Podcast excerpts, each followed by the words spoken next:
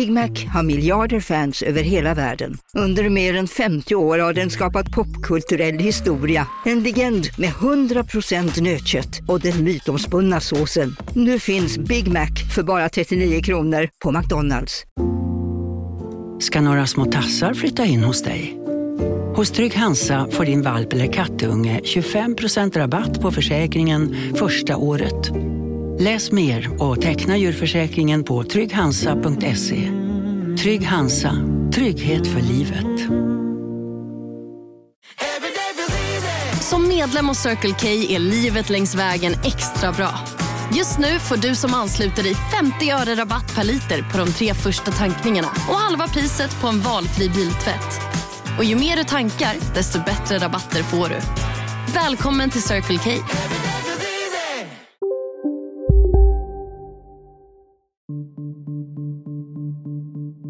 På ett sätt så är vi tillbaka nu i en mycket mer ideologisk valrörelse och det tror jag, det tror jag gynnar oss som liberaler.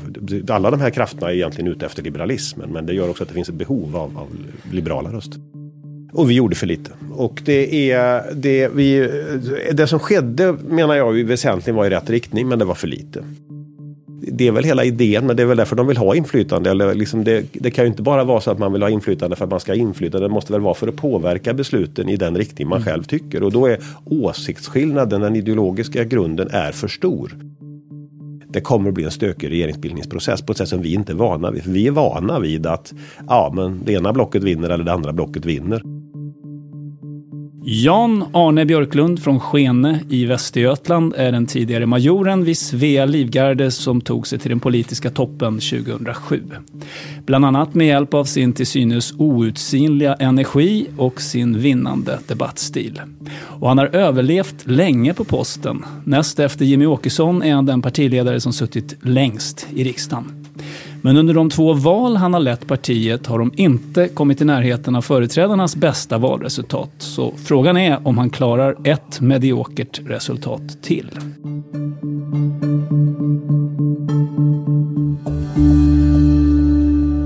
Jan Björklund, välkommen till fredagsintervjun. Tack så mycket.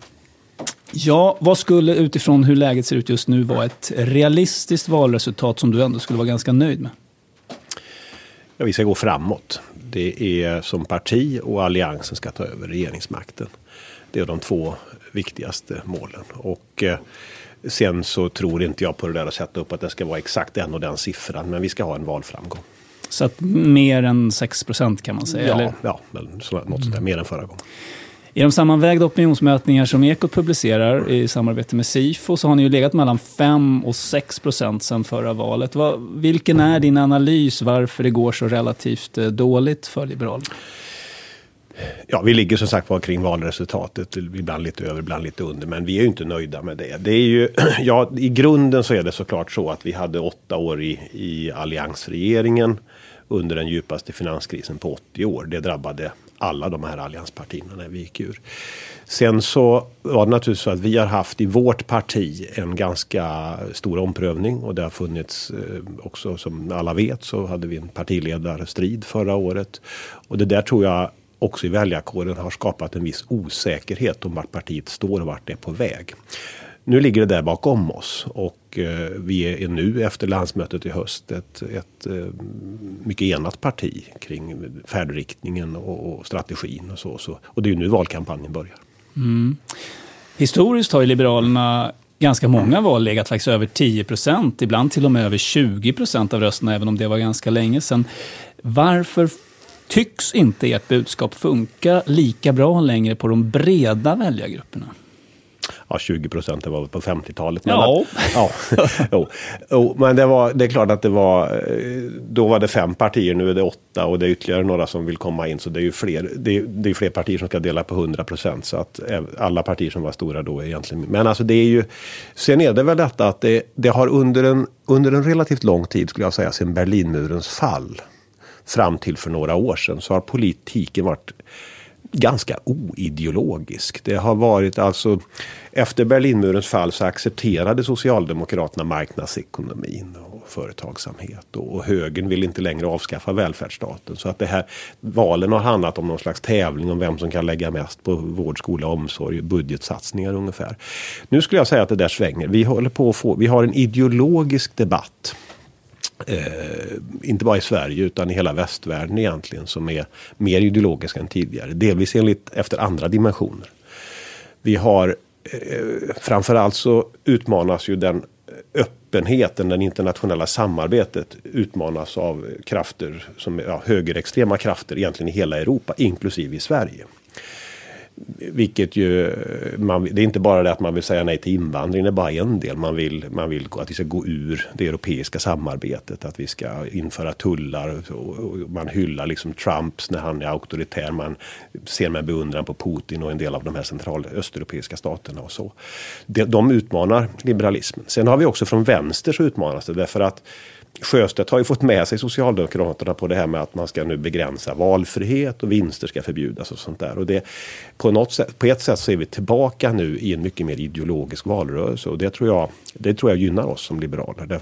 Alla de här krafterna är egentligen ute efter liberalismen men det gör också att det finns ett behov av, av liberala röster. Men det tillståndet har ju rått ett tag. Varför har ni inte eh, profiterat på det redan då i form av ökat väljarstöd tror du? Ja, det är ju i höst det avgörs. Valkampanjen börjar ju nu, vi får se. Det är, det är naturligtvis så vi tänker i varje fall inför valkampanjen. Att detta är, vår, detta är, det är ett par riktigt viktiga uppgifter som vårt parti har. Det ena är att stå upp för det liberala samhället, samarbetet i Europa, det öppna samhället.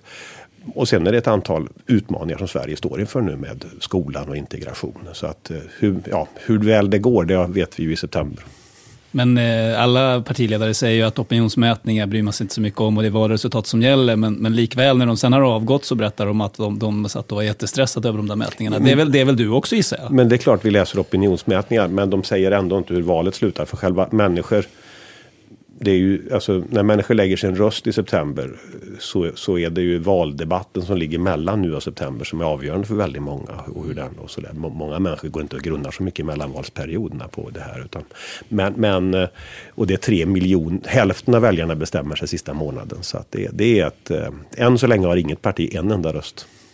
Eh, en sak som kan kännas lite svårbegriplig för en utomstående är att partier som är så relativt små som Liberalerna är nu, eller KD också för den delen, att ni kan tycka att ni har råd att vara splittrade inbördes och hålla er med olika falanger. I, I, ditt parti har det länge funnits en socialliberal falang och en mer kravliberal. Så varför har inte du bättre lyckats ena de här två? Ja, så här.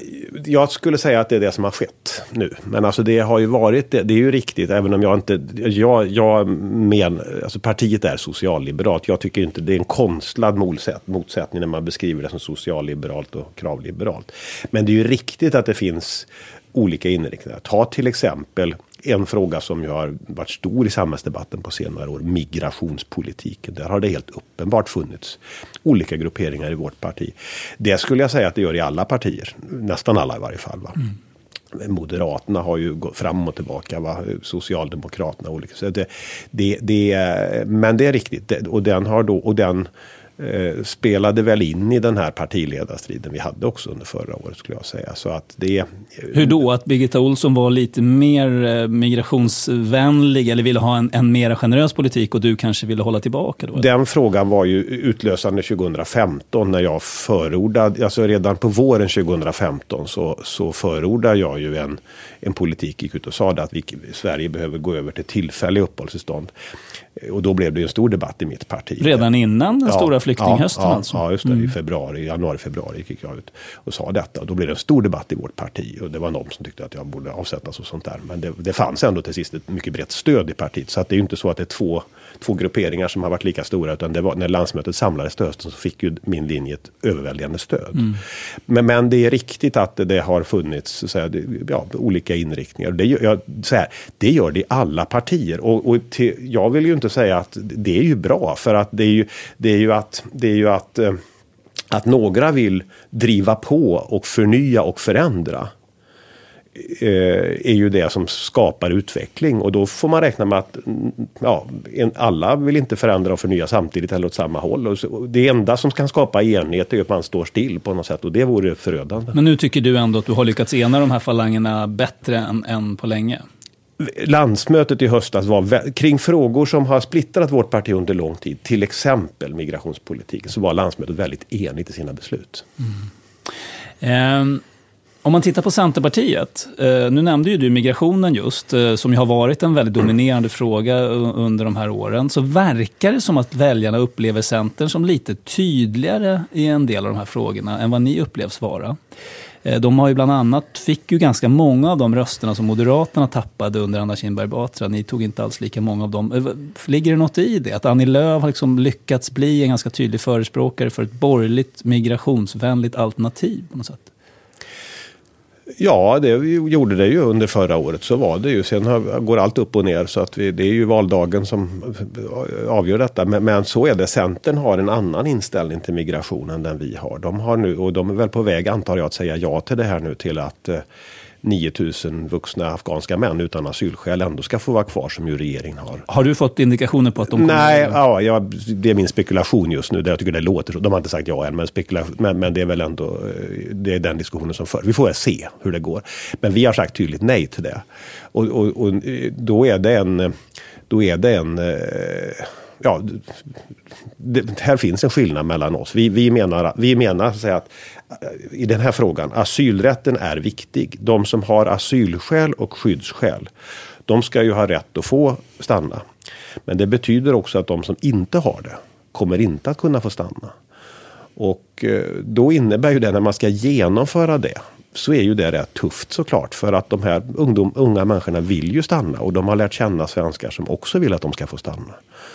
Så att jag menar, ska man, ska man kunna föra en, en, en human flyktingpolitik när det behövs så måste man också ibland våga säga nej, även om det är tufft och jobbigt. Samtidigt så var ju du en av dem som i samband med att tyska ambassaden råkade ut för ett sprängdåd i Afghanistan och flera tyckte att man skulle stoppa avvisningarna. Då var ju, gick ju du ut och sa det också, vilket ju också uppfattades som att du är lite både och. Så att säga. Du, då ville du inte helt och hållet lämna det till Migrationsverket, utan man skulle vänta och så. Ja, så här sa jag. Det var ju så att Tyskland ställde ju in avvisningarna till Afghanistan precis efter att det small där i, på försommaren sommaren. Mm.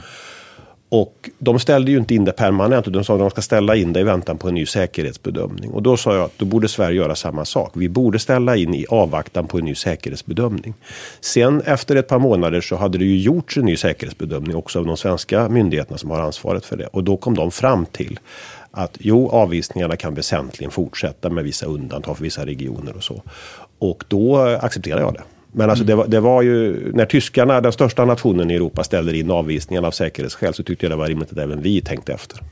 Eh, I Lars Leijonborgs nyutkomna memoarer så berättar han om ganska långtgående planer faktiskt på att slå ihop Centerpartiet och Liberalerna, eller Folkpartiet som det hette då. Eh, vore inte det en rätt bra idé egentligen? Att samla de liberala rösterna i ett parti, särskilt nu när Moderaterna går tillbaka till sina rötter lite grann? Ja, det försöker, jag var ju med Lars när vi gjorde de där, tog de där kontakterna. Det var ju ett ganska tydligt nej från Centerpartiet ska jag säga, ganska snabbt. Så och, ni var liksom den försmådda nej, friaren? Nej, det vill jag inte. Det var väl, och sådär att det var långtgående planer var det. Men vi sonderade det och det hade gjorts några gånger tidigare, alltså under den tiden det var ju innan vi var födda, både du och jag, men alltså Olin och Hedlund hade den här typen av samtal. Mm. Det fördes också, det var ju så att efter, i början på 70-talet fanns det också en sån plan. Det stoppades då av Centerns förtroenderåd som röstade emot faktiskt Fälldin som ju drev detta att man skulle lägga samman partierna. Så att, ja, jag, så här tänker det där, jag är inte säker på det där att om man tar två partier som kanske tillsammans har 10-15 procent och så lägger man ihop dem och då tror man att man kan bara addera väljarna. Det är ju inte säkert att det fungerar så. Det, det, är ju inte givet att alla väljare uppskattar den där...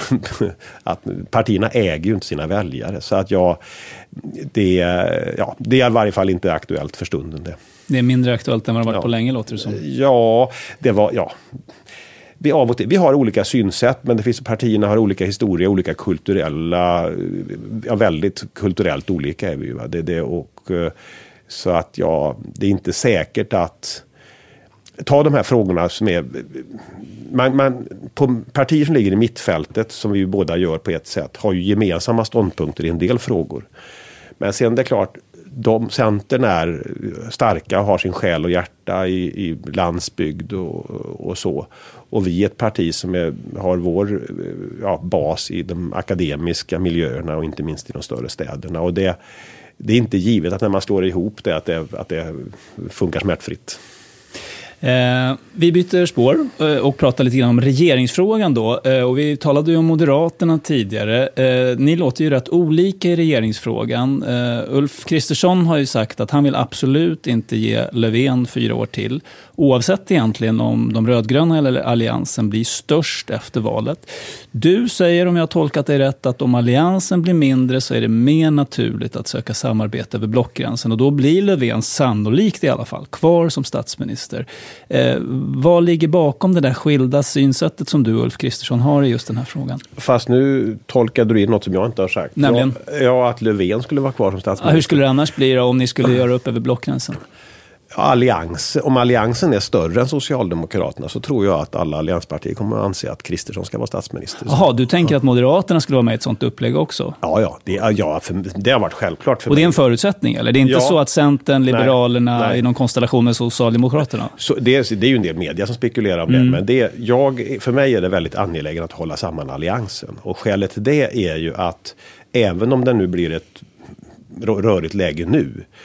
Så är, jag, så är jag inte beredd att splittra alliansen. Därför att långsikt, vi har ju ett val om ytterligare några år och, och sen i framöver. Och att alliansen är en... I grunden så har ju alliansen varit ett gemensamt regeringsalternativ egentligen under hela efterkrigstiden. Även om inte ordet alliansen användes förr.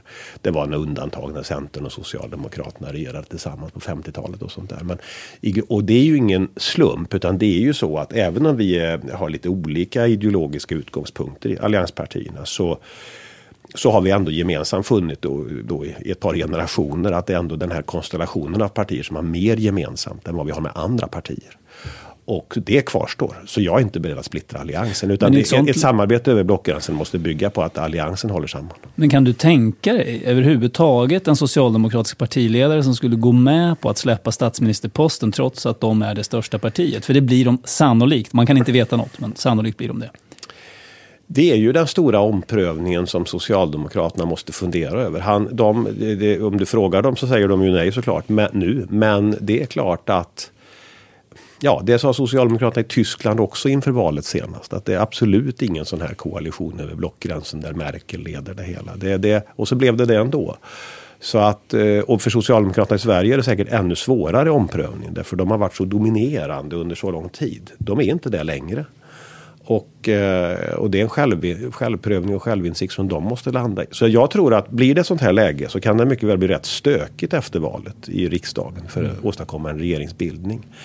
Men jag vill, eh, det är inte aktuellt för Liberalerna att sätta sig så att säga, i, en social, i en rö, ersätta Miljöpartiet i någon sån regeringskonstellation. Det är inte aktuellt utan en alliansregering är, är eh, är mitt mål. Och går inte det då måste alliansen gemensamt samarbeta över blockgränsen. Om inte det går så kan det bli en moderat enpartiregering som många spekulerar i.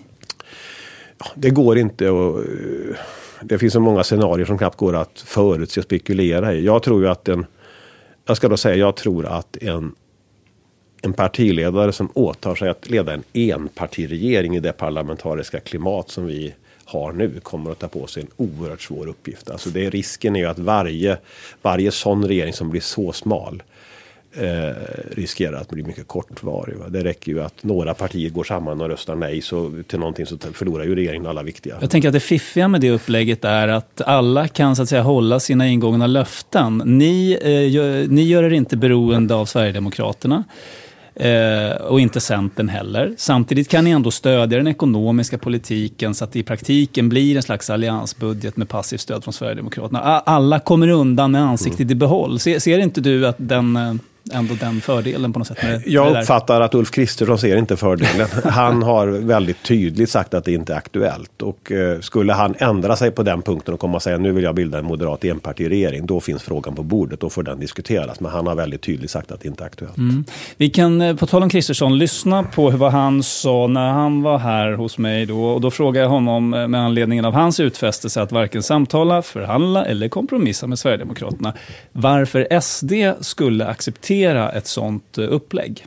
Det som skulle kunna stoppa oss, det är ju till exempel att Socialdemokraterna och Sverigedemokraterna gemensamt stoppar stoppar en sån regering eller stoppar en sån regering. Ja, det behöver ju inte vara i samförstånd. De kan ju göra det av olika skäl ja, var men för sig. Det har men ingen betydelse. Om de landar på samma politiska ståndpunkt mm. då kommer jag sträcka vapen och konstatera att det finns en majoritet eller i alla fall något slags flertal som vill någonting annat. Då får de ta ansvar. Mm. Eh, det här är ju hans recept då, att även om alliansen blir mindre än de rödgröna efter nästa val så tycker han att det funkar att regera ändå. Eh, eh, på grund av det här han beskrev. Håller du med om hans plan där? Så det, en sån regering skulle ju bli väldigt sårbar. Varför? Ja, därför att den riskerar att förlora omröstningar i riksdagens stup ett.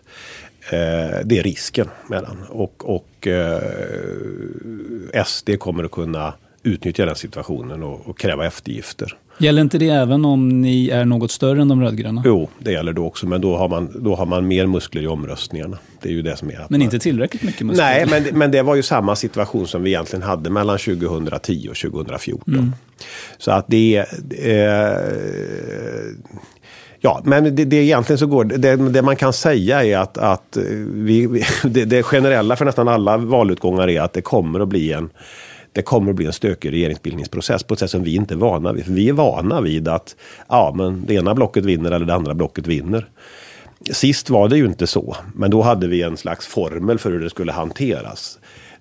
den manifesterades så småningom i decemberöverenskommelsen. Jag är inte beredd att upprepa decemberöverenskommelsen. Den var ett misstag, det var en nödlösning, men vi, nu, eh, vi ska inte återupprepa det. Mm, då återstår ju eh, den svåra frågan, som för dig då kanske inte är så svår, men som Moderaterna har brottats med. Varför är det inte ens värt att försöka förhandla med Sverigedemokraterna i ett sånt här läge för att se hur de beter sig då? Särskilt nu när ni inte längre är lika oense om migrationspolitiken som ni var. Migrationspolitiken är ju en del i det hela. Men det, det, sen finns det ett antal andra sakpolitiska områden men det är ju det är, ju, det är någonting utöver det som ju gör, skapar klyftan och det är ju hela deras ideologiska grund. Den, den nuvarande eller deras rötter? Ja, både och. Men mm. deras ideologiska grund, det är ju som med alla våra partier att den ideologiska grunden har byggts upp under lång tid. Under under, eh, det är inte så länge, alltså Sverigedemokraterna är ett ungt parti jämfört med alla andra.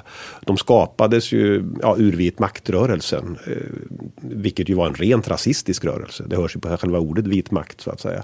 Och, eh, och eh, det finns ju fort, man kämpar ju här varje månad så måste de hålla på att utesluta ganska ledande personer för att de eh, ja, har, har åsikter som är helt, ut, helt orimliga att acceptera. Och då, så är det med det här partiet. Och de vill gå, dessutom så är det ju så här att de i den dagsaktuella politiken så agerar de ju ofta väldigt populistiskt. Mer än andra menar du? Ja. Ge ett exempel. Ja, men det, är ju, det lovas ju till höger och vänster allting. Va? Och allt ska betalas bara vi så säga, krymper invandringen, mm. vilket ju är helt orealistiskt. Man kan, naturligtvis ta, man kan naturligtvis minska invandring, men att allt ska kunna betalas på det sättet som de... Det är ju en, sen är och inställning till europeiskt samarbete som ju är central. Alltså, det diskuteras ju inte varje dag i Sverige, men väldigt många politiska beslut kommer vi ju överens om i en europeisk krets som riksdagen sen bekräftar ja, de är ju helt emot detta och vill att vi ska lämna EU. Eh, de hyllar de här, både Putin och, och de här regimerna i Polen och Ungern som, som fattar beslut. Som Inte partiledningen väl, eller? Gör de det? Ja, men, men flera mycket tunga ledamöter eh, har ju en attityd och i EU-parlamentet röstar de ofta med de där krafterna mm. och de partierna. Så det, man har liksom en, det, för, mig så är det, för mig så är det lika otänkbart att samarbeta med Sverigedemokraterna som det är att på det sättet samarbeta med Vänsterpartiet med sina kommunistiska... Oh,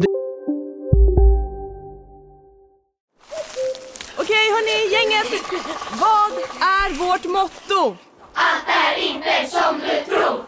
Nej, allt är inte alltid som du tror. Nu täcker vårt nät 99,3 procent av Sveriges befolkning baserat på röstteckning och folkbokföringsadress. Ta reda på mer på 3.se eller i din 3-butik.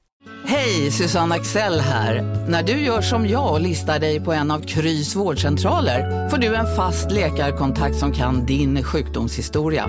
Du får träffa erfarna specialister, tillgång till lättakuten och så kan du chatta med vårdpersonalen.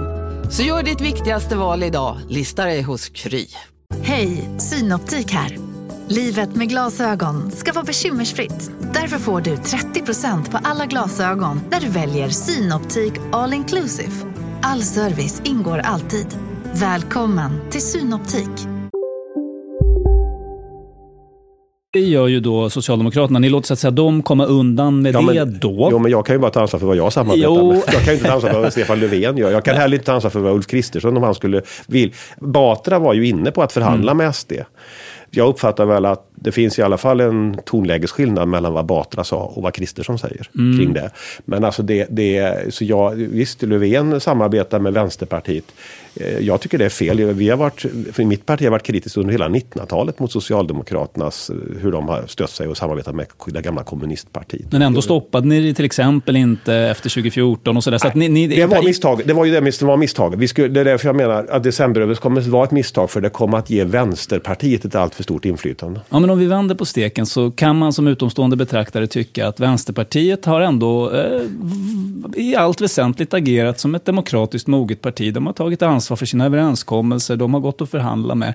Och mot den bakgrunden, hur kan du vara så säker på att inte också Sverigedemokraterna då skulle växa med ansvaret och vara en, en möjlig förhandlingspartner? Inte en regeringspartner naturligtvis, men Jo, en men. Vänsterpartiet, det är bara skattehöjningar hela tiden. Man ska förbjuda vinst. Man ska, det är alltså, ger man ett sånt parti inflytande så det är, klart de är, det är klart att de är jätteansvarsfulla när de får igenom hela sin politik. Det har de men inte det, riktigt fått. Nej, men, nej, men, nej, men vinst i välfärd är deras, deras stora viktiga fråga som Mm. de har drivit under flera år. Sossarna har ju lagt sig platt långt mycket mer än vad någon av oss liksom trodde eller befarade att Socialdemokraterna skulle göra. Så vad skulle motsvarigheten vara på den borgerliga sidan där man kan befara att borgerligheten skulle få lägga sig platt för, för vad du tycker är galna förslag? Ja, men vi skulle ju inte lägga oss. Alltså, ja, men jag- om, jag- alltså bara för att se vad faran är. Jo, men din- ja, ja, stänga igen Sverige från all, all, all migration och, och gå ur EU till exempel. Det är ju två sådana grejer. Som de, Mm. alltså det, och det, det, och, Men Vänsterpartiet vill väl också gå ur EU? Alltså inte skulle man väl driva ett sånt krav det första man gör om man äntligen då får chansen till inflytande? Eller? Det kanske ja,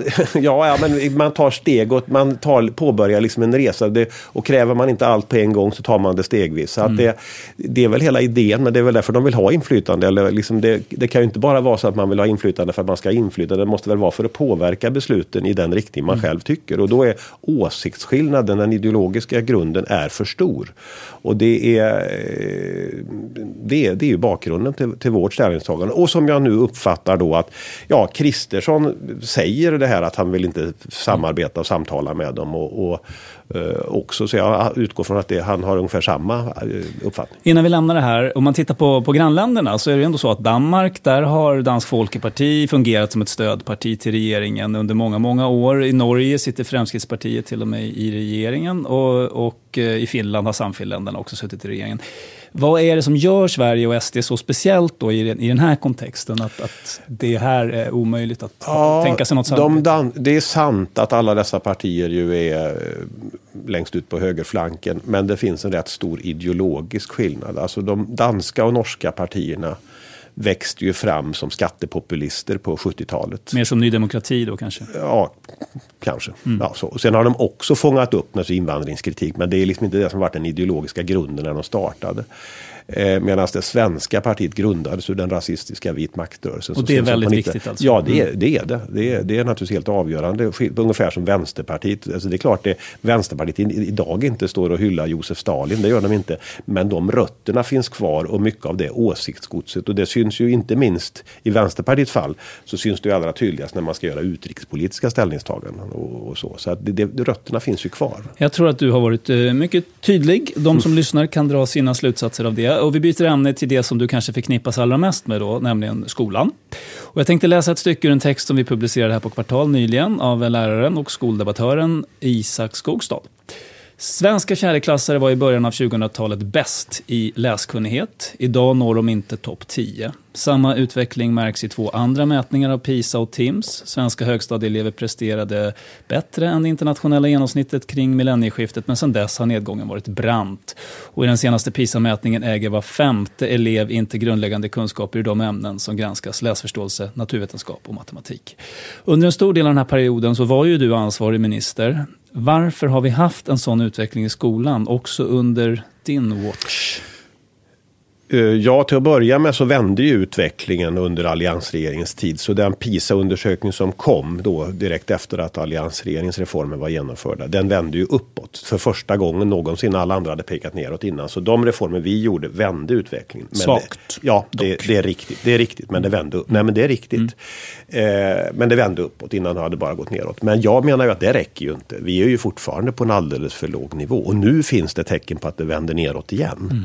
Till exempel så, så var, kom de, de elever som gick ur nian nu förra året. Så är det 17,5 procent som inte är behöriga till gymnasiet. Och den högsta högsta, antalet, högsta andelen någonsin. Jag såg det, men så som politik verkar, och det har ju du också sagt, inte minst när, eh, när eh, regeringen eh, regerade på en alliansbudget, att det tar ju ett tag för reformer att kicka in. Så ska man vara ärlig så måste man ja. nog säga att mycket av de sakerna som händer nu är effekter av när du var, ja, eller, var utbildningsminister. Jag skulle säga att det här, det här som nu händer är effekt av att vi, det har kommit väldigt mycket nya barn till Sverige. Mm. Det är därför som blir underkända i början. Så du, du vill lägga huvuddelen av förklaringen där? Ja. Ja, det är det. Till att mm. det nu går neråt igen. Ja, det är det. Men, då, mm. men så att regeringen kan... Det, nu är det, alltså det, det, det har kommit många nya länder. Ja, det, det är huvudförklaringen till att det sjunker kraftigt. Men eh, då är det ju så här att det räcker ju inte att sitta bakåt och luta sig bakåt som regeringen bara konstaterar. Nu kom det invandrare, nu gick det ner. Då måste man göra åtgärder. Och det är ju det, min, min kritik mot regeringen är inte att det gick ner på grund av invandrarelever, för det, så är det. Men min, min kritik är att de gör ju ingenting. Det händer ju ingenting. Utan det är rätt stora ytterligare reformer som nu måste göras för att uh, lyfta upp resultaten. Och Men, inte, inte minst för de elever som då presterar lägst. Vad som jag förstår dig rätt här, du hade ändå ansvaret eh, under väldigt lång tid uh, för det här området och det har ändå gått dåligt på ja. många sätt. Det, ja, inte minst ja. den här siffran var femte som går ut nian då, mm. har inte gymnasiebehörighet. Var, var, är du mest självkritisk då? Att vi gjorde så? för lite. Och då ska man ju komma ihåg att jag fick ju oerhörd kritik för att det var sån reformtempo. Det var mm. så högt reformtempo, men vi gjorde ändå för lite. Eller gjorde ni för lite eller gjorde ni, satsade ni på fel Nå, saker? Vi gjorde, ja, men på ett antal reformer så borde vi gått mycket längre än vad vi gjorde. Och till exempel så är jag ju, om jag nu ska ta ett exempel, så, så blev ju, alltså läroplanen 2011, den eh, var bättre än de föregående. Men vi, ja, vi borde ha, den borde varit ännu mycket bättre. Det blev, så att, ska, det, I svensk skola under årtionden så har det funnits en tendens, eller inte en tendens, det har varit en tydlig trend att man har velat, ja, lärare ska undervisa mindre på ett, mer tra, på ett traditionellt sätt och istället så lägger man över ansvaret för inlärningen på eleverna själva i form av stora projektarbeten och eleverna ska analysera och sådär. Och det har varit, oj, så har man sagt, ja, men eleverna ska väl inte behöva rabbla fakta. Fakta finns ju på Google och sådär. Och, och, och det, ja, jag, var själv, jag ska vara självkritisk. Jag lyckades inte bryta det. Jag ville bryta det. Jag tog mycket debatter kring att bryta detta. Men jag lyckades inte bryta det. Nej, du sa till SVT ja. att uh, det pedagogiska etablissemanget, som du kallade dem, uh, som ja. låg bakom den här uh, omskrivningen av läroplanen.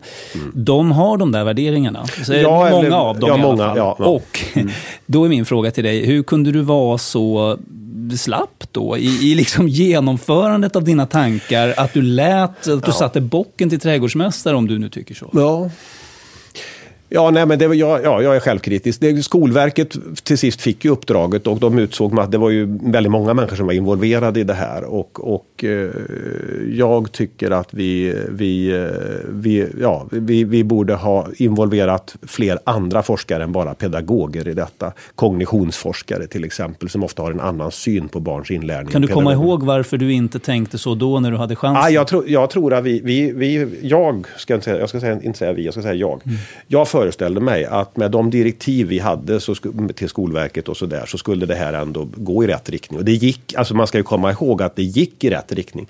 2011 års läroplan blev ju delvis kritiserad av en del pedagoger för nu stramas det upp för mycket här. Men jag tycker ju att vi stramade upp för lite. Mm. Men du... du så jag, det, det, så jag, ja, jag, borde tagit, jag borde tagit den matchen tuffare och får jag chansen på nytt så kommer jag göra det. Vi går till eh, integration då som vårt sista eh, område. Vi nämnde den där siffran att var femte elev som lämnade grundskolan i höstas saknar behörighet till gymnasiet. Och I stor, stor utsträckning, som du själv var inne på, handlar det om pojkar med utländsk bakgrund. Ett mycket tydligt tecken på att integrationen inte funkar som den ska riktigt i Sverige. Det är ju också en fråga där ditt parti faktiskt ägde makten, regeringsmakten i åtta år. Vad tänker du om det? Att både skolan och integrationen som du diskuterar så mycket, där hade ni faktiskt chansen att göra en massa saker. Mm. Och vi gjorde för lite. Och det, är, det, vi, det som skedde menar jag väsentligen var i rätt riktning, men det var för lite. Eh, etableringsreformen till exempel gjorde ju att sysselsättning bland eh, invandrare ökade. Eh, och det var bra, eh, men inte tillräckligt såklart. Vi behöv, sen fanns det ju mot, sen ska jag säga att eh, det fanns också en del skilda uppfattningar i, i alliansregeringen. Vi vill ju till exempel från Liberalerna infört det som nu alla verkar vara för, nämligen att man ska ha, kunna svenska språket för att bli medborgare. Det sa de andra tvärnej till. Eh, och det var en del rätt långa konflikter där kring den frågan. Mellan vem och vem? Ja, mellan Liberalerna och övriga partier. Det var nog, Liberalerna, det var nog Lars Leijonborg, min företrädare i början och med, framförallt med Centerpartiet mm. då, som absolut inte ville eh, höra talas om den typen av åtgärder. Eh, det var, eh, och enk, jag ville ju också gått fram med det här att vi behöver släppa fram enklare jobb på arbetsmarknaden. Men med, alltså, inom servicesektorn som då också har lägre, ja, lägre startlön. Men Moderaterna vill absolut inte utmana Eh, LO och Socialdemokraterna på den punkten. Så att det var väl det, jag tycker att vår egen eh, agenda var för tunn och för tam. Men det var också så att på de punkter, ett par punkter som jag ville göra förändringar så var, lyckades vi inte få enighet. Det som är den här krisen vi har haft i migration och integration på senare år, det den för med sig är väl trots allt att det finns en ökad och mer realistisk inställning till att det faktiskt behövs en del radikala förändringar på integrationsområdet nu än den inställning som fanns för tio år sedan. För eh, en tid sedan så hade jag din tidigare partikamrat här, Mauricio Rojas. Och eh, han beskrev det som att de idéer som han och Nyamko Sabuni framförallt stod för, som handlade just om tydligare krav på nyanlända vad gäller språk och värderingar och så, fick inte så stort eh, genomslag i, i regeringen. Vi kan väl lyssna på vad han sa och hur han förklarade detta. Ingenting kan man säga i grunden. Små saker gjordes men det, det viktiga för att bryta utanförskapet, det gjorde man ingenting. Och varför inte? För att, för att Moderaterna ville inte ha det så, eller de, de insåg inte problemet. Jag tror att de saknade den, den känsla för problemet som vi som kommer från utifrån, mm. vi, vi, vi kan det här. Mm. Håller du med honom att det var i huvudsak Moderaterna som stoppade en tydligare integrationspolitik? Om eh, vi talar om arbetsmarknadsreformer så är det nog en korrekt beskrivning och jag tror det är det Mauricio menar här. Och det handlade om att de inte ville göra sig osams med facket? Ja, det är min analys mm. att det var så att nya, den nya Moderaterna, eh, som man benämnde sig och så, handlade rätt mycket om att slipa ner kanterna mot konflikter som hade funnits tidigare då. Mm. Mot LO, det tror jag. När det gäller arbetsmarknadsreformer. När det gäller de här andra typerna, ja, det, krav på språktest och den typen av åtgärder så, så mötte vi väl ett kompakt motstånd från alla tre, men kanske allra tydligast från Centerpartiet. Mm. Um, han sa också att tiden med Erik Ullenhag framförallt var en eh, väldigt misslyckad period när det gällde integrationsarbetet. Han menade att Ullenhag helt, eh, var helt fel på bollen mm. helt enkelt. Eh, var det en, en bra utnämning så här i, sett i efterhand? Ja det, ja, det var det. Jag tycker det är en alldeles, jag tycker den beskrivningen är felaktig. Det var... Eh, dels, så, dels ska jag säga att, så att säga, sysselsättning bland utrikesfödda eh, ökade under de där åren. Det, vi införde ju RUT, rutavdraget betydde en del. Lågutbildade invandrarkvinnor fick jobb, vita jobb istället för svarta, etableringsreformen. Men inte heller då fick vi ju... Vi fick inte heller igenom de här med språktest och annat. Men sen ska jag... Att, att jag är ju självkritisk så, så det går inte att säga att det var just Erik Ullenhag. Det var vi ju alla alla och i, i alliansregeringen och hela samhällsdebatten präglades av en viss, av en, jag ska säga den präglades av en rädsla att ta i frågorna därför att man var rädd att spela främlingsfientliga krafter i händerna eh, så här sett i efterhand så var ju det eh, en felbedömning därför att att vi inte tog i frågorna kom istället att spela främlingsfientliga krafter i händerna. Ja, och många har ju sagt samma sak som du säger nu, att det ja. var skälet. Samtidigt var det ju inte så svårt att se att det fanns en uppenbar risk för precis det. Att om, man, om människor ser uppenbara problem som man upplever att de andra politikerna inte riktigt tar i, att man då eh, i princip pekar, där är Sverigedemokraterna, rösta på dem. Mm. Eh, hur kunde ni inte se det då? Fanns det något annat med i görningen här också som vi inte tänker på?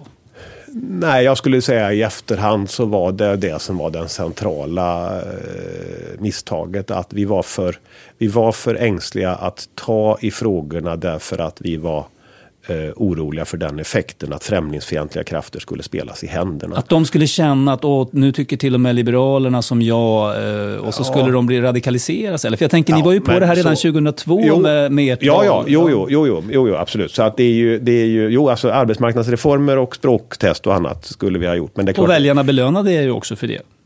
Just kan man det. säga. Ja, just det.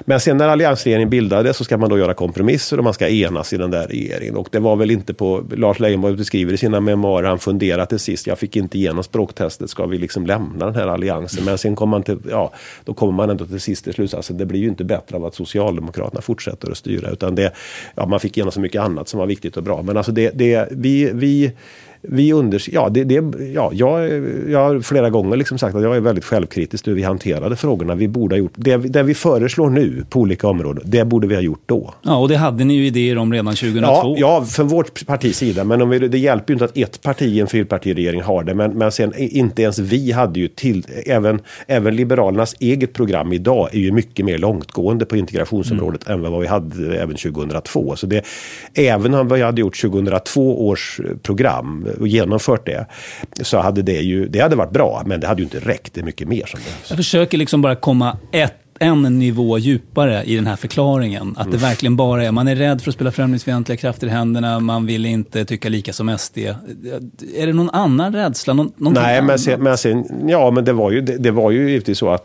regeringen skulle ju hållas ihop. Och det, de här kraven som vi hade då med, jag tror ju att det här med en, en, en mer flexibel liberal arbetsmarknad är, precis som Mauricio Rojas här var på i den här intervjun, är väldigt centralt. Men när Moderaterna sa nej så, ja, och det fanns ju ingen annan alternativ majoritet i riksdagen som skulle kunna skapa en sån liberalare arbetsmarknad. Så då gick det ju inte. Så regeringen skulle också hållas ihop. Så det, Men, var, också, det var naturligtvis också ett viktigt skäl. Språktestet, när vi, vi drev det ett antal gånger, fick aldrig igenom detta i alliansregeringen. Ja, då får man liksom det, ja, ska man lämna regeringen? Det, inte, det blir ju inte bättre att lämna över till en rödgrön regering. En förklaring som jag funderar över är om man också lite grann valde att inte se hur, hur det utvecklades i de utsatta områdena. Ni gjorde ju något som hette utanförskapets karta eh, mm. som Liberalerna gjorde, eller Folkpartiet. Mm. mm. Eh, och sen slutade ni göra det, när ni kom i regeringsställning efter ett tag. Och sen gjorde då Tino Sanandaji, forskaren, mm. eh, en liknande. Han använde samma metoder egentligen och kunde visa att antalet utanförskapsområden fortsatte att växa med någonting 30 stycken från 156 till 186 under, under er första, era första sex år vid makten. Mm. Eh, liksom valde ni nästan att aktivt titta bort från det som hände då för att slippa ta i det där? Nej, det vill jag inte påstå. Vi fick ju en, vi fick ju en väldigt djup finanskris på halsen och då ökar arbetslösheten. Och det är klart, arbetslösheten ökar först i de grupper som är mest sårbara på arbetsmarknaden. Invandrare, lågutbildade och så. så det, att det hände, det visste vi ju alla. Det, och så. Däremot skulle jag säga så här att, att insikten om Alltså nu pratar vi om de ekonomiska reformerna, jobb och rutavdrag och, och sånt och språk också. Men, men, men, det finns ju ett annat område som jag ju på senare år har insett mer och mer. Det är ju värderingarna som finns ute i våra förorter. Det var, det, vi diskuterade ju det förr och det är inte så att det ändras över en natt. Inte minst Nyamko Sabuni har ju varit diskuterat. Mycket, mycket. Mm. Uh, och det har ju ändå lett fram till, tycker jag, en insikt om att vi kan inte, alltså tolerans Eh, Eh, vi ska tolerera att människor som kommer hit har med sig en annan kultur, men vi kan inte tolerera att man ägnar sig åt kvinnoförtryck. Och, och, det var väl ingen som ville tolerera för heller medvetet. Men insikten om vad, vad som för sig går i våra förorter var inte tillräckligt stor. Och jag, jag, jag, lyssnade, jag lärde mig mycket av Nyamko men jag insåg ändå inte problemets fulla vidd förrän på, ja, på senare år. Det, och, och, och, och de åtgärder som då behöver vidtas. Så jag, ja, jag är gärna eh, och ofta självkritisk till hur vi, vi borde ha gjort mycket mer. Eh, men nu är vi där vi är och det är ju frågan vad gör vi nu? Det är det centrala. Ett begrepp som har hyllats, eh, omfamnats omfamnats av många är ju det mångkulturella samhället. Är det dags att definiera om vad vi menar med det då? Eller för du var ju lite inne på att visst, vi ska tolerera olikhet men inte hur långt som helst. Ja, så är det. Att, så det, det, jag blir ju stolt när jag, när det här, vad heter det här, Allt för Sverige eller vad det heter, mm. ett program med svenska amerikaner som kommer tillbaka till Sverige fem generationer senare. Det var någon flicka där som kunde, en ung kvinna som kunde sjunga Små grodorna. Hon hade lärt det av sin mormor och så och det hade gått i arv i generationer borta i USA. Och då, jag kan nästan gråta för jag tycker det är fantastiskt hur, hur, man, ja, hur man vårdar sina svenska traditioner. Men det är klart på samma sätt så är det så att människor som kommer till Sverige vill hålla fast vid sina traditioner.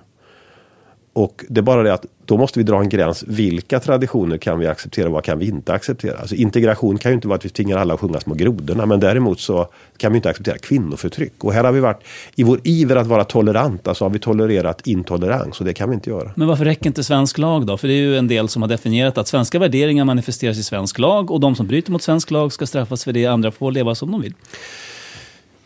Jo, svensk lag är, ja, svensk, det är ju lagen som gäller. Men lag, när man utformar lagen så, den är ju inte, det här med hedersförtryck, det var ju ingen som, det var ju inte på kartan när lagstiftningen skrevs. Utan det är ju något som har kommit hit och nu måste vi skriva om detta. Eh, vi behöver till exempel, ta till exempel om, om, en, om en, en man slår sin fru i Sverige, eh, en svensk man slår sin fru.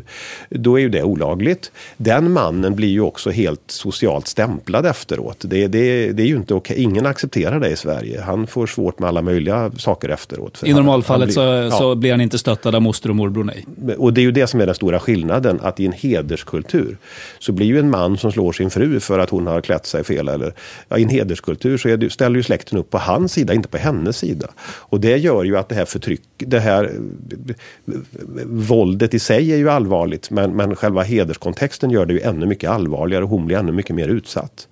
Och då eh, menar jag att vi behöver ha en särskild lagstiftning som, som ser strängare på detta när det är en hederskontext. Till sist, till exempel. Eh, nu är ju liksom trenden att man ska vara tydliga med de här sakerna. Och i vanlig ordning så kan man lära sig ganska mycket om man tittar på Danmark. Eh, som i vissa avseenden har gått före oss i den utveckling vi nu är inne på. Och där talar man ju extremt mycket klarspråk. För mycket tycker många. Ser du risken att den väg vi nu slår in på bara ökar polariseringen och förfrämliga människor och öka splittringen? Den risken finns såklart om det, eh, ja, Löfven skulle skicka in armén i förorterna här eller vad det var. Han bad väl om ursäkt några timmar senare. Men, men det, det, att, det måste vara genomtänkta åtgärder vi gör. Och, och eh, vi behöver, ska jag peka ut tre saker vi behöver göra nu så är det för det första på integrationen. För det första så måste vi skapa en mer liberal flexibel arbetsmarknad där människor med låg utbildning som kommer hit ändå kan få ett jobb. Alla kommer inte klara av att ha en svensk studentexamen. Det är det första. Det andra är att vi måste se mycket strängare på detta med hederskulturen. Och det handlar om lagstiftning, det handlar om utbildning, det handlar om upplysning till de som kommer hit. Och för det tredje så måste vi återupprätta rättssamhället ute i våra förorter. Det kan inte vara så att den som kastar den största stenen bestämmer. Så det är tre mycket viktiga åtgärder på integrationsområdet och det kommer att det kommer att krävas mycket handlingskraft och det kommer att eh, ta tid, men vi måste göra det. Säger Jan Björklund, partiledare för Liberalerna. Stort tack för att du kom till fredagsintervjun. Tack så mycket.